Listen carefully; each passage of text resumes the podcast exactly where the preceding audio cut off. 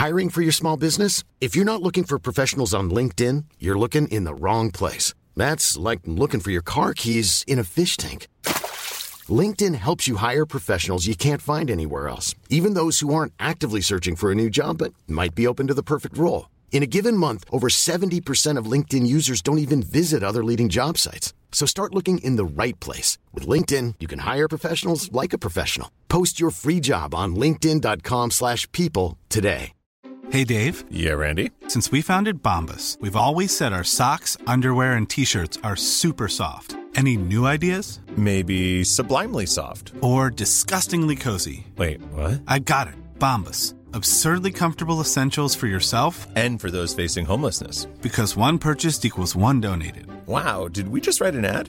Yes. Bombas. Big comfort for everyone. Go to bombas.com slash ACAST and use code ACAST for 20% off your first purchase. Many of us have those stubborn pounds that seem impossible to lose, no matter how good we eat or how hard we work out. My solution is plush PlushCare.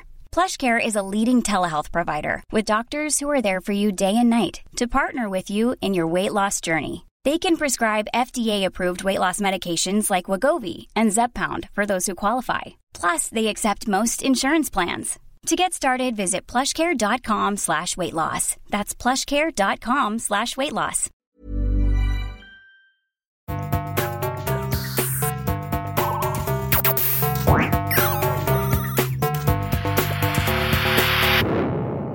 Velkommen til Sinnsyn.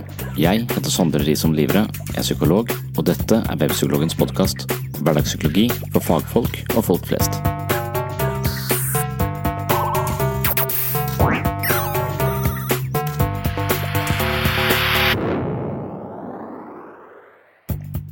Dagens episode skal handle om passiv aggresjon og følelsesmessig forstoppelse. Hva skjer når vi undertrykker eller bortviser alle våre kraftige følelser og later som om vi egentlig er totalt harmoniske? Kan det hende at det sinnet som da undertrykkes kommer på avveie og sprer seg som en slags psykisk gift i de relasjonene og de menneskene vi har rundt oss? Jeg åpner dagens episode med noen passivt aggressive nonner. Holy Mary, Mother of God, pray for us sinners now and at the hour of our death. Amen. Amen. Now, sisters, let us spend a few moments in silent prayer and reflection. Mother Superior, before we do, may I speak? Yes, Sister Margaret. Well, I have noticed many dirty dishes in the sink. I wondered if Sister Jane was so weighed down by the love of God that she was unable to put the dishes from the sink into the dishwasher. I apologize, Sister Margaret. I have not been sleeping well. It seems the Passion of Christ is so heavy on Sister Margaret's shoulders that it forces her footsteps to sound like that of elephants. Out of interest, in the Bible, does it say speak at the highest pitch volume you can at all times? I don't know. Will you be taking that condescending tone all the way up to heaven? Sisters, please. Let us not stray from the matters at hand. We are all living here together, trying our best to share our space peacefully. Now, let us pray quietly. Yes, Mother Superior. It's me, Superior. Sister Margaret, sisters. Tut, tut, tut. Now let us move forward with nothing but love and light.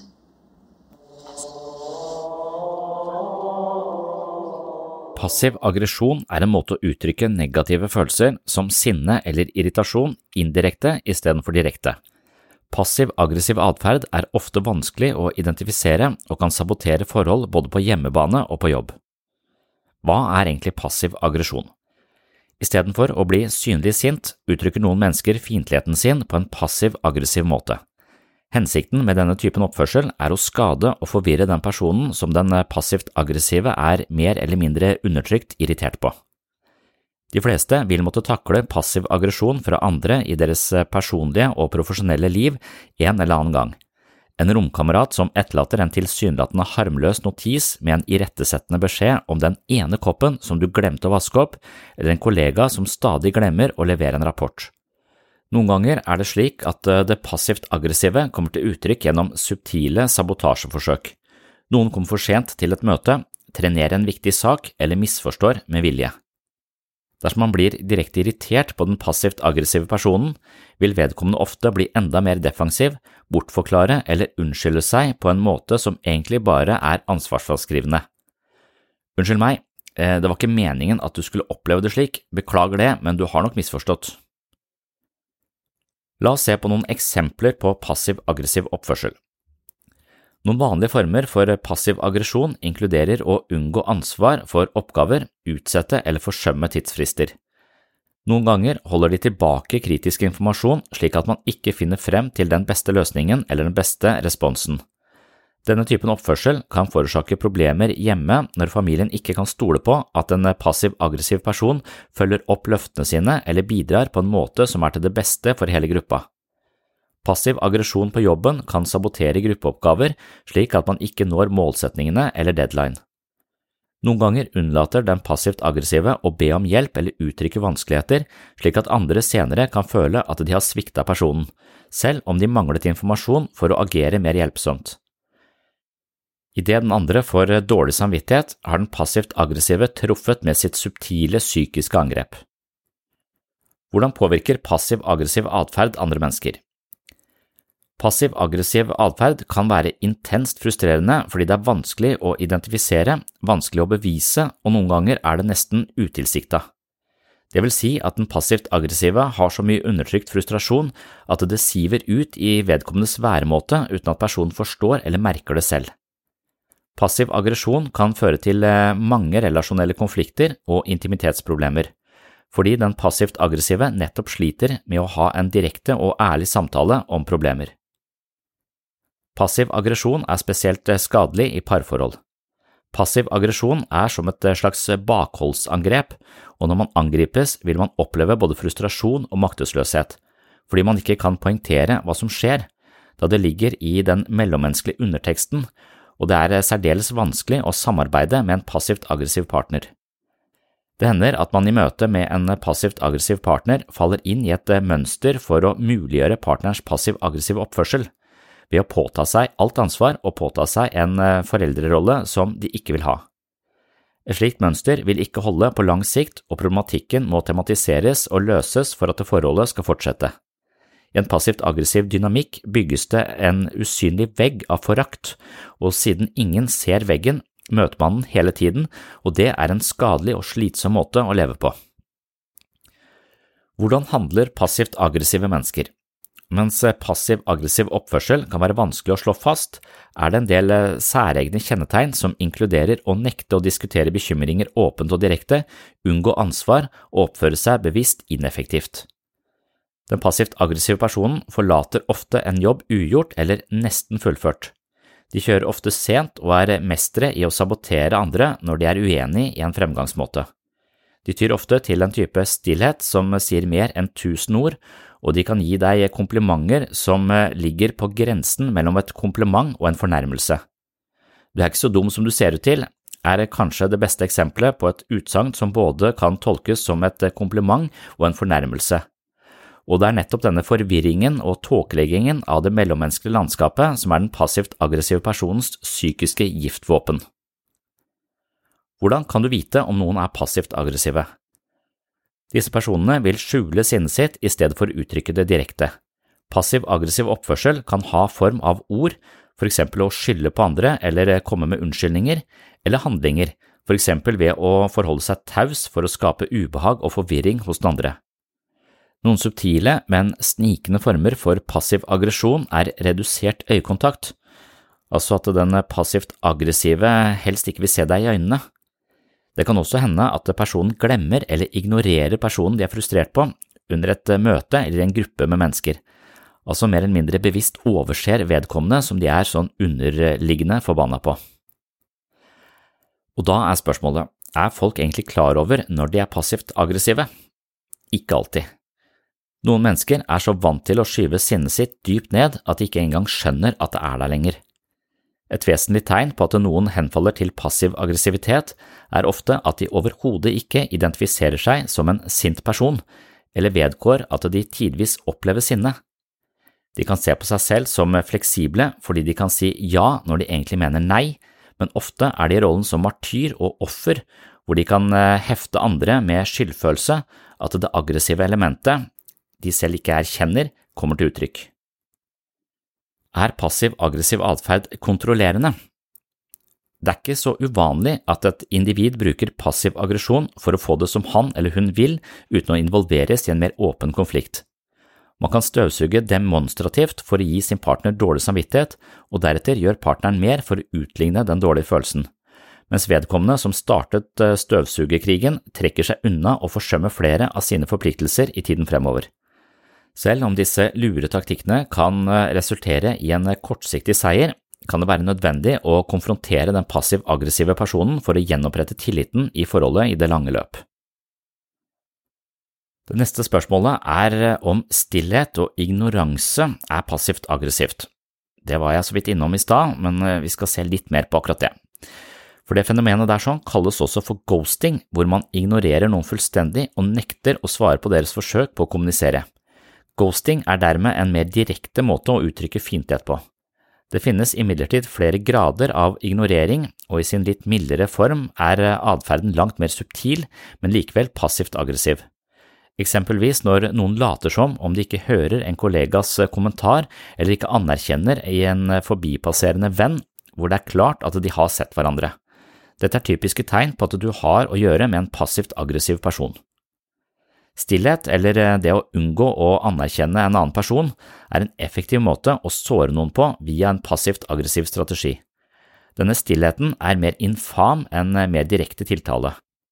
Dette iscenesettes som stille verbale angrep, og det er spesielt giftig når noen i en maktposisjon, som for eksempel en forelder, bruker stillhet for å manipulere noen som er mer sårbare, som for eksempel et barn.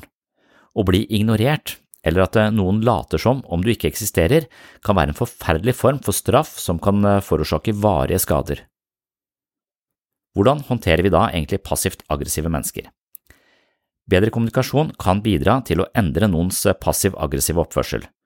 Når du har identifisert den giftige oppførselen, må du unngå å bli med på denne dansen. Bekreft i stedet den passivt aggressive personens mer eller mindre tåkelagte sinne. Forsøk å anerkjenne at de er frustrerte, men som regel vil de benekte dette. Hvis du virkelig er av det rause og mentalt stabile slaget, kan du forsøke å gi personen komplimenter for det de er gode på, ettersom en følelse av stolthet og anerkjennelse kan dempe behovet for aggressive bakholdsangrep. Hvis ikke det fungerer, kan det være lurt å kalle en spade for en spade, altså konfrontere personen med at de sprer om seg med aggressive stikk og en aura av misstemning. Det er viktig at du aldri ber om unnskyldning for ting som du urettmessig har blitt eh, bærer av. Ofte får man en følelse av å være skyldig i møte med passiv aggresjon, og hvis man da begynner å unnskylde seg, bekrefter man på sett og vis det universet hvor personen ikke tar ansvar for egne følelser, men kaster dem urettmessig ut på andre. Dersom det blir akseptert, er det stor sannsynlighet for at denne typen oppførsel gjentar seg og i verste fall blir et mønster.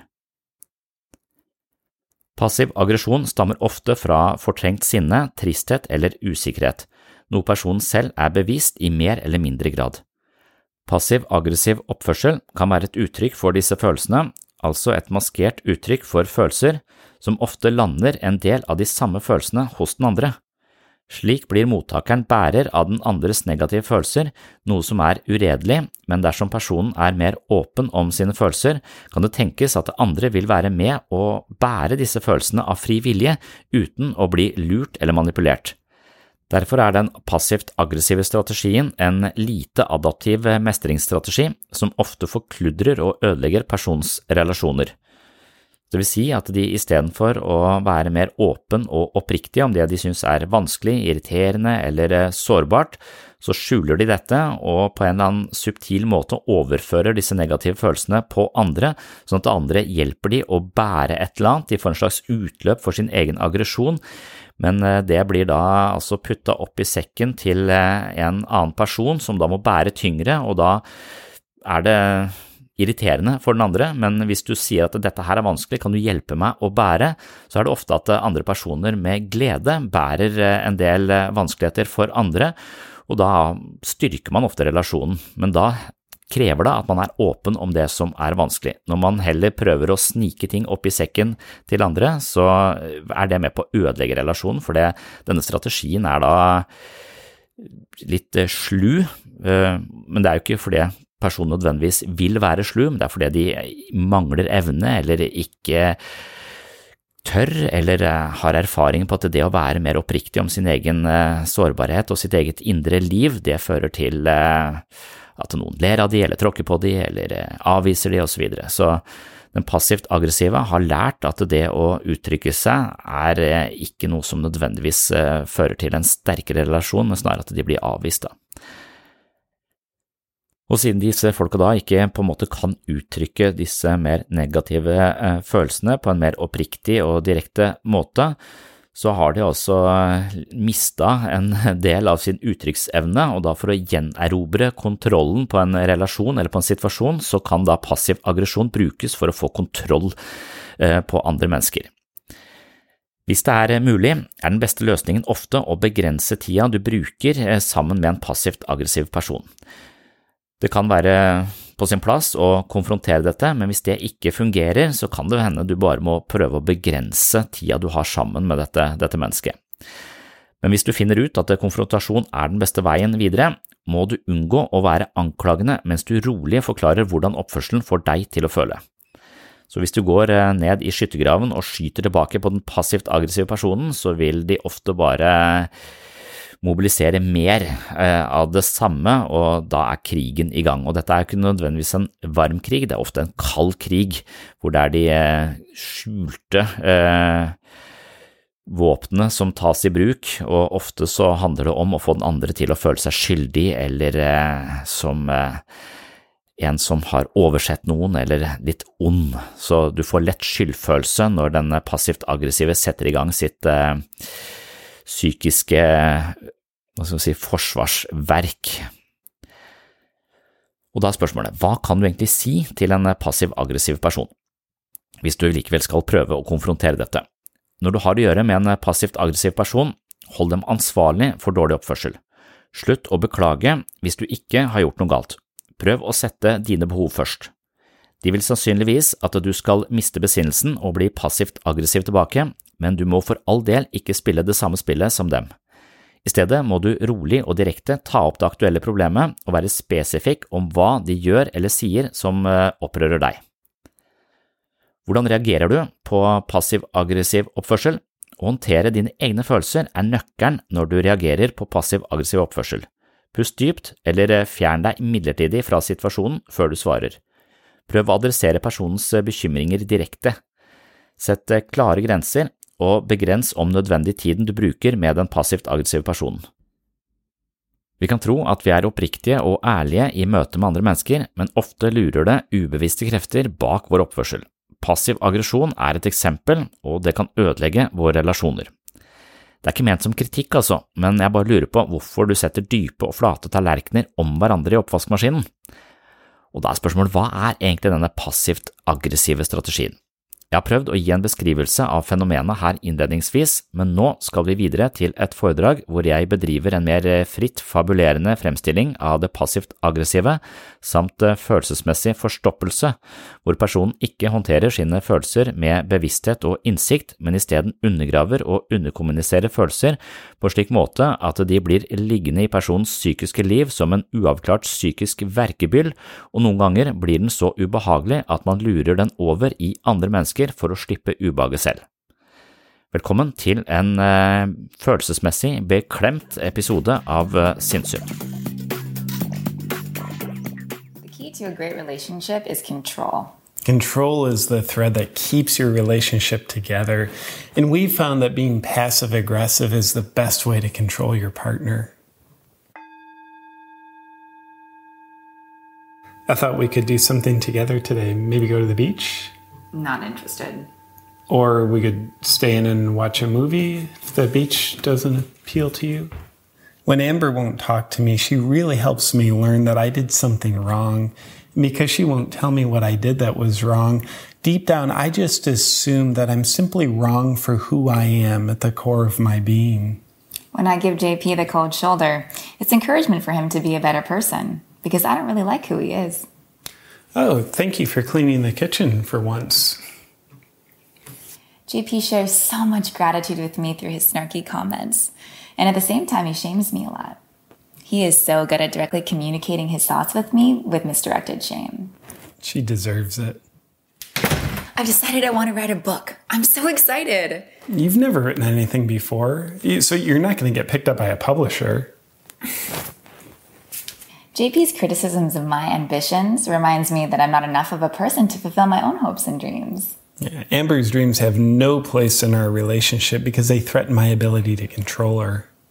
Oh, I feel so loved when you control me. Mm. Couples who control each other stay together. I've made it to the gym three times this week.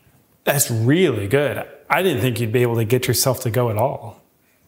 I use a compliment to slightly disguise my harsh criticism of Amber, and I have lots of it because I don't have any respect for her. And I don't have any respect for myself either. That's why I'm with JP. We're a perfect match.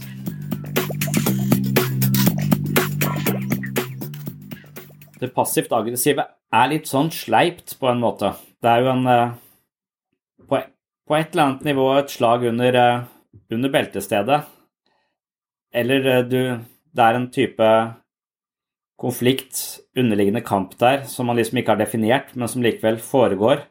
Og da blir det brått veldig komplisert da, å forholde seg til. Man kjenner at man får et slag i nyrene, men man er ikke helt sikker på hvor det kommer fra, eller om det var et slag, eller om man skal reagere på det.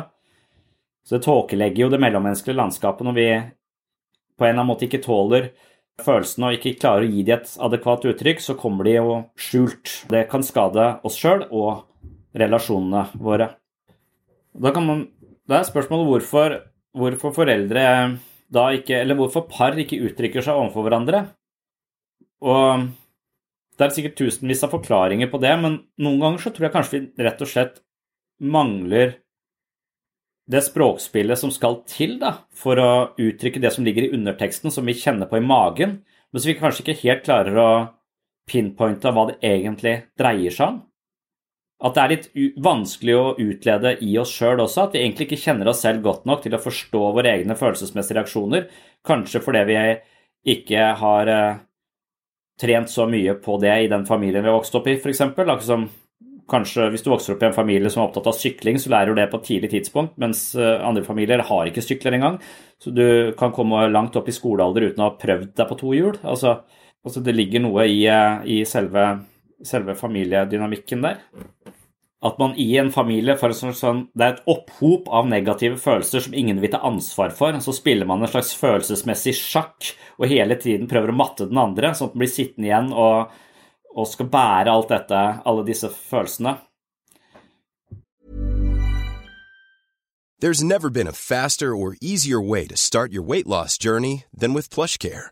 PlushCare accepts most insurance plans and gives you online access to board-certified physicians who can prescribe FDA-approved weight loss medications like Wigovi and Zepbound for those who qualify. Take charge of your health and speak with a board-certified physician about a weight loss plan that's right for you. Get started today at plushcare.com slash weight loss. That's plushcare.com slash weight loss. plushcare.com slash weight loss. Normally, being a little extra can be a bit much. But when it comes to healthcare, it pays to be extra.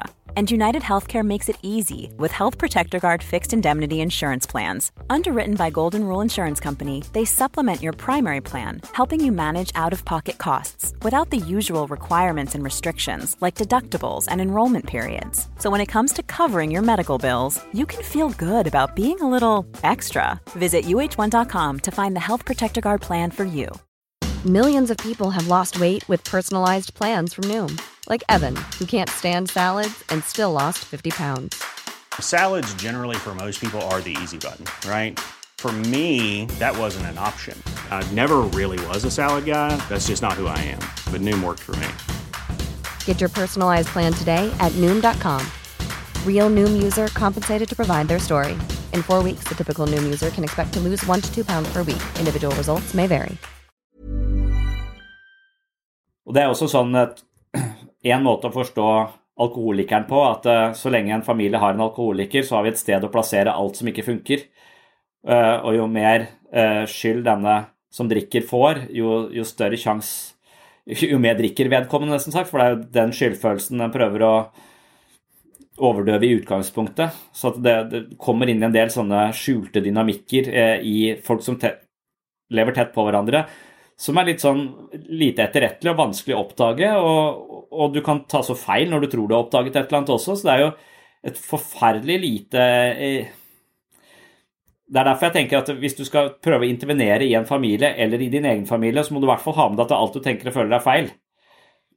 Og hvis du tror du har utleda en eller annen komplisert psykologisk forklaring hvor, eh, hvor, du har eh, familiepsykologien på din side, så kan du, det også bli en slags hersketeknikk hvor du tillegger andre ansvar som egentlig også hører til deg, og du ikke ser din egen, ditt eget sted å stå.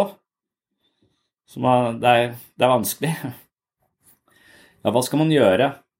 hvis man driver en form for skyldfordeling, så, så det, er, det, er, vel det vi snakker om hele tiden, at eh, det er ikke, det er ikke vår skyld at vi er uh, følelsesmessig kobla med den toleransen og den uh, repertoaret vi har på våre egne emosjonelle melodier. Det er jo et resultat av alle de erfaringene vi har, og de folka vi har vokst opp sammen med. Men hvis vi har eh, en eh, melodi som ikke spiller på så mange tangenter, og gir oss et ganske sånn snevert repertoar hvor veldig mye må undertrykkes og ikke lyttes til, så er det jo vårt ansvar å trykke på flere av de eh, tangentene og lære oss å spille litt mer i bredden på dette pianoet. Så selv om det ikke er vår skyld at vi havna der vi er, så er det vårt ansvar å lære oss å spille litt annerledes, og det er vel det selvutvikling dreier seg om. Og, og, da er det litt sånn Hvordan gjør man det konkret? Og det syns det har vi snakket om i en tidligere time i dag, og, og det, det, er for meg eh, det er, det er, mange følelser, så vi kan nesten ta hver følelse for seg, da, men, men den vanligste følelsen er dette med sinne. Så, så det, og, det, og, det, er denne typen selvhevdelse. Det er en av hovedfølelsene våre. Vi har altså frykt, panikk, så har vi sinne, interesse og iver det ligger et sånn eh, grunnleggende emosjonelt styringssystem uh, i oss. Og, det, og ut ifra det så har du mange nyanser da, som kan differensieres følelseslivet vårt mye mer enn det. Men uh, sinne og selvhevdelse er jo en viktig, en, en viktig del. Og, og, det er også der man Hvis du hevder deg selv, så har du en tanke om at du er verdifull, og du, du har rett på denne plassen. Da. Det er ganske viktig å ha den, uh, den innstillingen. Det er en sunn narsissisme. Jeg er verdifull, og derfor kan ikke andre komme og tråkke på meg. Og hvordan uttrykker vi det? Og for meg så er det så Når jeg har barn, så er det så tydelig. Altså, jeg har, en, jeg har to, to, jenter. Der, eh, der, har det ikke vært noe sånn stort problem. Så har jeg en, en gutt på, på åtte som, som, er liten av vekst, minst, og han blir tatt. Uh, og han vil ikke være en snitch, som det heter, så han vil ikke si noe om det. Men jeg vet og ser at, han, at hele kommunikasjonen mellom guttene i denne klassen den er fysisk. Det handler om hvem som kan legge de andre i bakken, og det er hele tiden et sånn maktspill mellom å legge andre i bakken, og han blir lagt i bakken hele tiden. Og han vil ikke han, han, er, han er, et veldig annet gemytt. Uh, han er ganske veldig rolig, og han, han, ikke, tar ikke igjen. Og, og da her går selvhevdelsen Her er selvhevdelsen veldig fysisk. På de jentene har jeg ikke sett at det er så fysisk, det er mye mer psykologisk komplisert. og Det er ikke som at det, uh, han er nødt til å lære seg uh, selvhevdelse på den måten ut ifra de spillereglene som er. Og de pedagogiske spillereglene sier at han skal gå og si det til læreren. For han så er det å være en snitch, det vil han aldri komme til å gjøre. Og, og jeg vet ikke hvorfor du skal outsource din egen selvhevelse til andre. Jeg tenker at hvis jeg skal hjelpe han, så må jeg hjelpe han å forsvare seg selv. Jeg må hjelpe han å stå opp for seg selv, sånn at dette eh, stopper. Jeg vil ikke at han skal gå til angrep, jeg er ikke noe for vold, men jeg er for å si at der går grensa mi, stopp, ikke dytt meg. Og at han må lære, eh, lære det. Og, så har de også selvfølgelig en slags verbal kamp gående seg imellom, og da er det også kanskje et verbalt selvforsvar. Så på en gutt åtte år så er det ofte ganske mye fysisk. Eh, og det handler litt om størrelsen på det. Men etter hvert som du blir eldre, så vil den kampen komme over på andre arenaer, så selvhevdelsen blir mer subtil. Den handler om å kunne uttrykke seg på en sånn måte at du tydeliggjør hvor dine grenser går hen, og at du også har en slags eh, verbalt eh, selvforsvarsrepertoar som gjør at du ikke kan bli eh, hakka på, mobba på jobb, eller hvor det skal være. Så jeg tror disse kampene altså de går fra veldig konkret hvem kan legge hvem i bakken i skolegården for gutter, litt annerledes for jenter, til at de fortsetter å utspille seg. Og jeg er litt redd for at man på et tidlig tidspunkt får en idé om at jeg er ikke sterk nok, så alle andre kan legge meg i bakken, og så at det kan bli en del av min identitet og selvforståelse. Så, så, så det er liksom da, da, da, lurer jeg på hvordan skal jeg hjelpe min sønn, da, som blir lagt i bakken og ikke har øh, øh, Og jeg, jeg, tenker jeg må snakke med han om det, men jeg tenker også at øh, onkelen hans, som er sånn bryter, kunne lært han et par triks, ikke for å ta andre, men for å sørge for at han ikke alltid blir hakka på. Det må stoppe dette før det, før det, blir en slags selvfølge at alle kan, kan, kan gjøre dette. Så, men så sier han så lite. ikke sant? Så, så, så, langsomt så er dette en samtale vi har om hvordan det går an å forsvare seg, hvordan det går an å stoppe dette. Og så, og må, vi, må, jeg bare på en måte håpe at han, han, får det til. Og jeg tror det er liksom den kampen vi alle har, da, hvis vi har problemer med selvhevdelse på ulike arenaer. Noen har for mye selvhevdelse og blir en drittsekk. Det er det vi kaller en drittsekk. Det er de med for mye selvhevdelse som tar for mye plass. ikke sant? Og så er det de som da, og de tråkker ofte på de, på, på de andre. Så det å finne en balanse i dette regnskapet, sånn at vi blir mest mulig likestilte, det er jo det som er det mest siviliserte, og det er det vi prøver å oppnå. Men med en gang noen tillater å bli tråkka på, så vil de også kanskje generere eh, en ubalanse i dette landskapet som ikke blir bra for noen parter. Da. Så vi er nødt til å skape denne, denne balansen. Og, og, hvordan gjør man det? Hva gjør man med sitt eget eh, manglende selvhevdelse i voksen alder, da? Hvor er de arenaene? Hvor er det du legger den andre i bakken fordi at den har angrepet deg så mange ganger nå at du, eh, at du kan ikke tolerere det lenger? Hvor er de kampene? Hvor, hvor, foregår de? Og jeg tror du merker det i magen når de, når de er der, når det er noen som prøver å enten utnytte deg eller eh, ler på din bekostning eller på en eller annen måte hevder seg på, på, på dine vegne og tråkker over ditt gjerde uten å ha bedt om tillatelse til det, så tror jeg vi veit det. Jeg tror det foregår eh, i, blant kollegaer, blant, i vennegjenger, i familiesystemer, overalt. Og hvis du er den som da blir tråkka på, så syns jeg det er den mest sympatiske posisjonen for, for meg så, som er mer selvhevdende, så er jeg heller ofte en opplevelse at jeg kan være elefanten som av og til tar for mye plass og skyver andre ut. Uh, og, det, det syns jeg på en måte er mer Det styggere, syns jeg. Uh, og Så jeg vil jo være en person som jobber i det motsatte spekteret. Jeg tenker at jeg er nødt til å gi andre at jeg må, må, må, må dempe meg. Og, og, jeg blir jo sint på uh, jeg, Ikke sant, jeg kan ligge på kvelden og tenke Faen, han derre fyren i klassen til, til, sønnen min, han skulle jeg bare hengt opp i et tre etter øyelokka. Jeg kan bli jeg, kan bli veldig sånn Og så skjønner jeg at det bare Det gir meg hjerteinfarkt. Dette er ikke, en dette er ikke noe konstruktivt. Det er barnslig. Du er tilbake i skolegården selv, og, og du må løse dette. Du må hjelpe han fra en voksenperspektiv. Ikke oppfordre til vold, men jeg skjønner at han ikke vil gå og si det og outsource sin egen selvhevdelse til andre. Han må finne sin måte å være selvhevdende på, og det må jeg hjelpe han til. Uten at jeg veit åssen man skal gjøre det, men det hjelper meg i hvert fall ikke bare å lese de pedagogiske bøkene, hvor, du, hvor, det, hvor det, ikke står så mye om, um, om hvordan du legger folk i bakken som åtteåring. jeg som forelder kjenner litt på at jeg, at jeg ser på ser, på min egen selvfølelse eller selvtillit som en slags eh, ja, mål på, på, min egen verdi. Da. Altså, måten jeg ser på meg selv på, det er et slags det er, det, det er nesten som temperaturen ute. Det, det, går litt opp og ned fra dag til dag.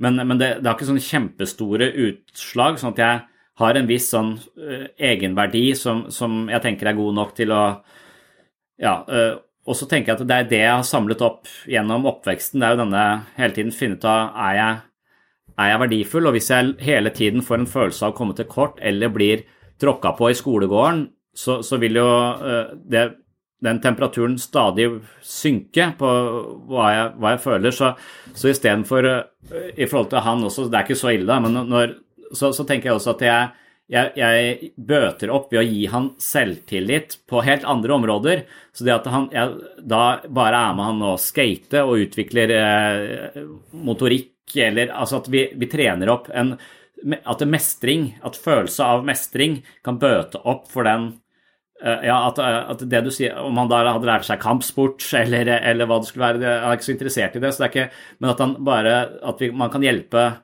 hjelpe andre til å være på arenaer hvor det er mulig å opparbeide seg mestring, så vil den mestringen gjennomsyre oss, sånn at den også får utslag så indirekte, så vil det hjelpe på veldig mange arenaer. Så hvis vi mangler det verbale selvforsvaret, så kanskje vi kan finne noen andre arenaer hvor vi opparbeider oss den mestringa, at vi alle må finne sin arena hvor de Eh, hvor de kan trene seg opp og bli gode på et eller annet. For det, det er litt sånn som jeg, Hvis det er rotete i hele huset, og jeg klarer å rydde på kjøkkenet, så får jeg en sånn følelse at nå er ting på stell. Selv om det er fucked up resten av, resten av huset, så, det, så, har det ringvirkninger, selv om det fortsatt er rotete i de andre romma. Så vil jeg ved å rydde i ett rom få en ganske god følelse som sprer seg rundt i huset, selv om det er rotete der. Så jeg vil kanskje tenke litt sånn om meg selv også, hvis jeg føler meg uh, nedfor udugelig på et eller annet, så kanskje jeg tar opp noe hvor jeg hvor jeg finner en type mestring igjen, og så, så, sprer det seg litt, og så kommer jeg tilbake. For i den grad jeg hele tiden føler meg mindreverdig, så vil jeg kanskje prøve å kompensere, og da har de spisse albuene, og du, du, kommer i kamp mye oftere enn du egentlig trenger, for at du har eller annen, et eller annet kompleks der som du driver og, og, og jobber med. Så én ting er å veilede folk i akkurat de situasjonene, de mellommenneskelige situasjonene, men kanskje det kommer av seg selv hvis man tilrettelegger for mestring da, hos barn eh, spesielt. Men eh, det føles ut som jeg jobber på et helt annet sted da enn der problemet egentlig oppstår, som er på skoleveien, liksom. Hvorfor er jeg ikke på skoleveien? For noe, jeg kan ikke hjelpe på noe på skoleveien sånn. Livet er fullt av skarpe kanter, så nå er spørsmålet hvordan skal vi håndtere disse skarpe kantene her sånn. Ja, det er nok det. Jeg også reagerer litt på de, der, eh, de pedagogiske bøkene. Eller jeg vet ikke om de er det, men de har så mange av sånne hvordan du alltid skal være vennlig og bestemt, og, og hvordan du skal oppføre deg uh, når du skal snakke til barn for å lære dem om følelser. Og det, det er jo veldig klokt og sannsynligvis ganske riktig i de fleste tilfeller, det men, men, det er som det mangler det der perspektivet at det, hvis, du, hvis du er veldig sint, og så pakker det inn i en sånn melodi som er veldig sånn lystig, så blir det en sånn mismatch mellom eh, Altså, det er akkurat som at eh, Wagner syns jeg det er ganske ærlig, det er ganske dyster, det er ganske hardt. Uh, mens, mens, jeg har hørt på en måte Det er noen som i musikken bevisst uh, bruker feil sjanger musikk uh, i forhold til teksten, bare for å lage en sånn, sånn mismatch. De kan synge en lystig sang om selvmord. Ikke sant? Du har sånn lystig, glad melodi, og så er teksten selvmord. Du, du, oi, dette, dette, stemmer jo over det, ikke sant? Det er, det er en effekt. Så, så, når du snakker om selvmord, så kan du ikke synge eh, Kan du ikke eh, la det være til en godnattasang-melodi? Altså, det er ikke Da blir det noe Hva skjer nå? Så jeg tenker at må, melodien må stå litt i stil med, eh, med budskapet vårt, eller, eller det, vi, det vi kjenner på. Og så er vel det farlige er vel å ikke ha noe melodi for sinne, hvor sinne bare blir sånn at du bare smeller eh, nevene ned i de mørke tangentene, og så bare pff, eksploderer. Det virker. Men hvis du spiller deg ned til en melodi, så skjønner du at dette her er ikke greit. og Jeg skjønner her er det en slags takt og rytme, og jeg kan forstå det. Det er ikke farlig. Jeg skjønner at her er det en sammenheng. Eh, og det er ikke bare plutselige utbrudd av mørke toner. Så det er vel det som kanskje er å være emosjonelt intelligent, at vi liksom kan fortsatt være eh, sinte, og vi kan spille på mange tangenter, men vi kan også lage, lage, en sammenheng i det, sånn at det ikke kommer helt bardust på andre, hvor vi virker farlige fordi vi plutselig utagerer, eller vi virker helt sånn derre loco, syns jeg, hvis at jeg sitter og sier 'Hør nå her, lille venn, når du gjør så Ikke sant? Eh, men, så da jeg, jeg koker jo. Og så, jeg, og så, skal jeg, pakke det inn i en melodi som bare eh, man synger på søndagsskolen. Nei, det, det, det, det blir så sjangerkrasj at, eh, at det ingen Folk ser på Hva faen er du for et vesen, liksom? Dette her er jo ikke eh, i takt Det er jo dobbeltkommunikasjon en masse. Og jeg har jo lest eh, en som heter Bateson, tror jeg, som mente at dobbeltkommunikasjon, eller det som dobbelt bind, hvor du sier noe med takt og tone, men uttrykker noe, men, mens det ikke stemmer overens med den følelsen du egentlig har, så blir det sånn der, det blir kjempevanskelig å forholde seg til. Det er et dobbeltbudskap som barnet merker i magen og ikke forstår i hodet i det hele tatt. Hvem er jeg nå? Så, så, det å finne en melodi da, for sitt eget eh, register av følelser må være ganske, ganske avgjørende. Det tror jeg er ganske vanskelig. Kanskje Det er vanskelig å lære seg å spille piano, det er vanskelig å lære seg å håndtere følelser, og det kanskje, kanskje det er det livsmestring skal bli. da. For det er, liksom ikke, det er liksom ikke satt på agendaen, det er bare noe mennesker skal kunne. Er, du går ikke på musikkskolen for å lære deg om følelser. Eh, du kommer til en eller annen psykolog når du er så fucked up og er så dårlig på å spille på det der greiene der at du er nødt til å gå i egenterapi. Sånn var det i hvert fall for meg. Så, så, så, så det er ikke noe så, vi har ikke egentlig sett på det som Det, det er bare default, det skal alle kunne. Men det at det, Men som du sier, det forholdet mellom kroppen vår også, da, altså hvordan vi skal bevege kroppen hvordan vi skal sitte, det er jo viktig å tenke på det, og hvordan, hvordan skuldrene våre er. For hele kroppen vår reflekterer jo vår eget syn på oss selv. Kommer vi tilbake til denne hummerpsykologien til Jordan Peterson etter hvert òg? Ja. Tell us about the lobster. well, that's quite a segue. Well, the first chapter I have in my book is called Stand Up Straight with Your Shoulders Back. And it's an injunction to be combative. Um, not least to further your career, let's say, but also to adopt a stance of ready engagement with the world and to reflect that in your posture. And the reason that I write about lobsters is because there's this idea that hierarchical structures are a sociological construct of the Western patriarchy. And that is so untrue that it's almost unbelievable. And I use the lobster as an example because the lobster we, we div- divulged from lobsters in evolutionary history about 350 million years ago, common ancestor. And lobsters exist in hierarchies, and they have a nervous system attuned to the hierarchy. And that nervous system runs on serotonin, just like our nervous systems do. And the nervous system of the lobster and of the human being is so similar that antidepressants work on lobsters. And it's part of my attempt to demonstrate that the idea of hierarchy has absolutely nothing to do with sociocultural construction, which it doesn't. Takk for at du hører på Sinnsyn. Det siste og mest fritt fabulerende segmentet i denne episoden var kun et kort utdrag fra en lengre refleksjonsrunde omkring menneskets forvaltning av følelser. Vil du høre hele foredraget, kan du gå til episode 38 på Patron. Her finner du episoden som heter Selvhevdelse og følelsesmessig forstoppelse. I denne episoden snakker jeg om følelser, selvhevdelse, lukkede familier, fasader og følelsesmessig forstoppelse. Følelsene våre er en vesentlig del av vårt eksistensielle og mellommenneskelige navigasjonssystem. Når vi av ulike årsaker ikke tar hensyn til følelsene våre, ikke tåler dem, misforstår dem eller anser dem som skremmende og uakseptable, blir vi mer eller mindre hemma i vår livsførsel. Noen vokser opp i familier som har en streng justis på hva vi kan uttrykke av følelsesmessig ubehag, og alt det vi ikke kan uttrykke, må vi bære i vår egen ryggsekk. Med en tung ryggsekk vil vi på et eller annet tidspunkt havne i knestående med smerter i både kropp og sjel. Hvis du bestemmer deg for å besøke min Patron-side, finner du også nærmere 100 andre poster fra denne podkasten, i tillegg da til episode 38, som altså handler om selvhevdelse og følelsesmessig forstoppelse. Vil du ha mer sinnssyn hver måned, kan du gå til min Patron-side. Her har jeg lagt ut masse eksklusivt materiale, her er det flere episoder av sinnssyn, mentale øvelser, mye videomateriale, og jeg leser bøkene mine kapittel for kapittel, slik at Patron til slutt huser lydbokversjonen av mine tre bøker. Jeg har allerede lest inn hele selvfølelsens psykologi, bedre selvfølelse ved å bruke hodet litt annerledes.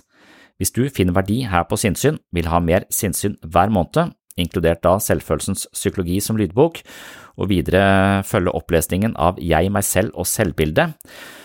Og du har lyst til å støtte dette prosjektet, slik at jeg kan holde hjula i gang her på podkasten, er et abonnement på Patron av stor betydning for dette prosjektet.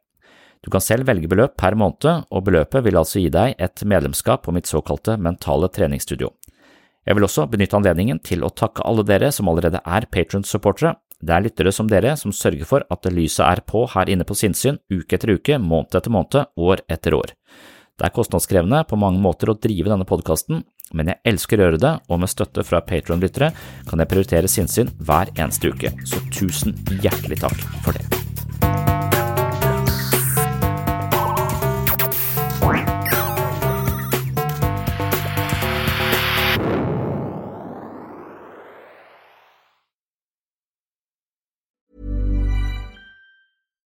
Hi, I'm Daniel, founder of Pretty Litter. Cats and cat owners deserve better than any old fashioned litter. That's why I teamed up with scientists and veterinarians to create Pretty Litter. Its innovative crystal formula has superior odor control and weighs up to 80% less than clay litter. Pretty Litter even monitors health by changing colors to help detect early signs of potential illness. It's the world's smartest kitty litter. Go to prettylitter.com and use code ACAST for 20% off your first order and a free cat toy. Terms and conditions apply. See site for details. Normally, being a little extra might be a bit much, but not when it comes to healthcare. That's why United Healthcare's Health Protector Guard fixed indemnity insurance plans, underwritten by Golden Rule Insurance Company, supplement your primary plan so you manage out of pocket costs. Learn more at uh1.com. Mom deserves the best, and there's no better place to shop for Mother's Day than Whole Foods Market. They're your destination for unbeatable savings, from premium gifts to show stopping flowers and irresistible desserts. Start by saving 33% with Prime on all body care and candles. Then get a 15 stem bunch of tulips for just $9.99 each with Prime. Round out mom's menu with festive rose, irresistible berry chantilly cake, and more special treats. Come celebrate Mother's Day at Whole Foods Market.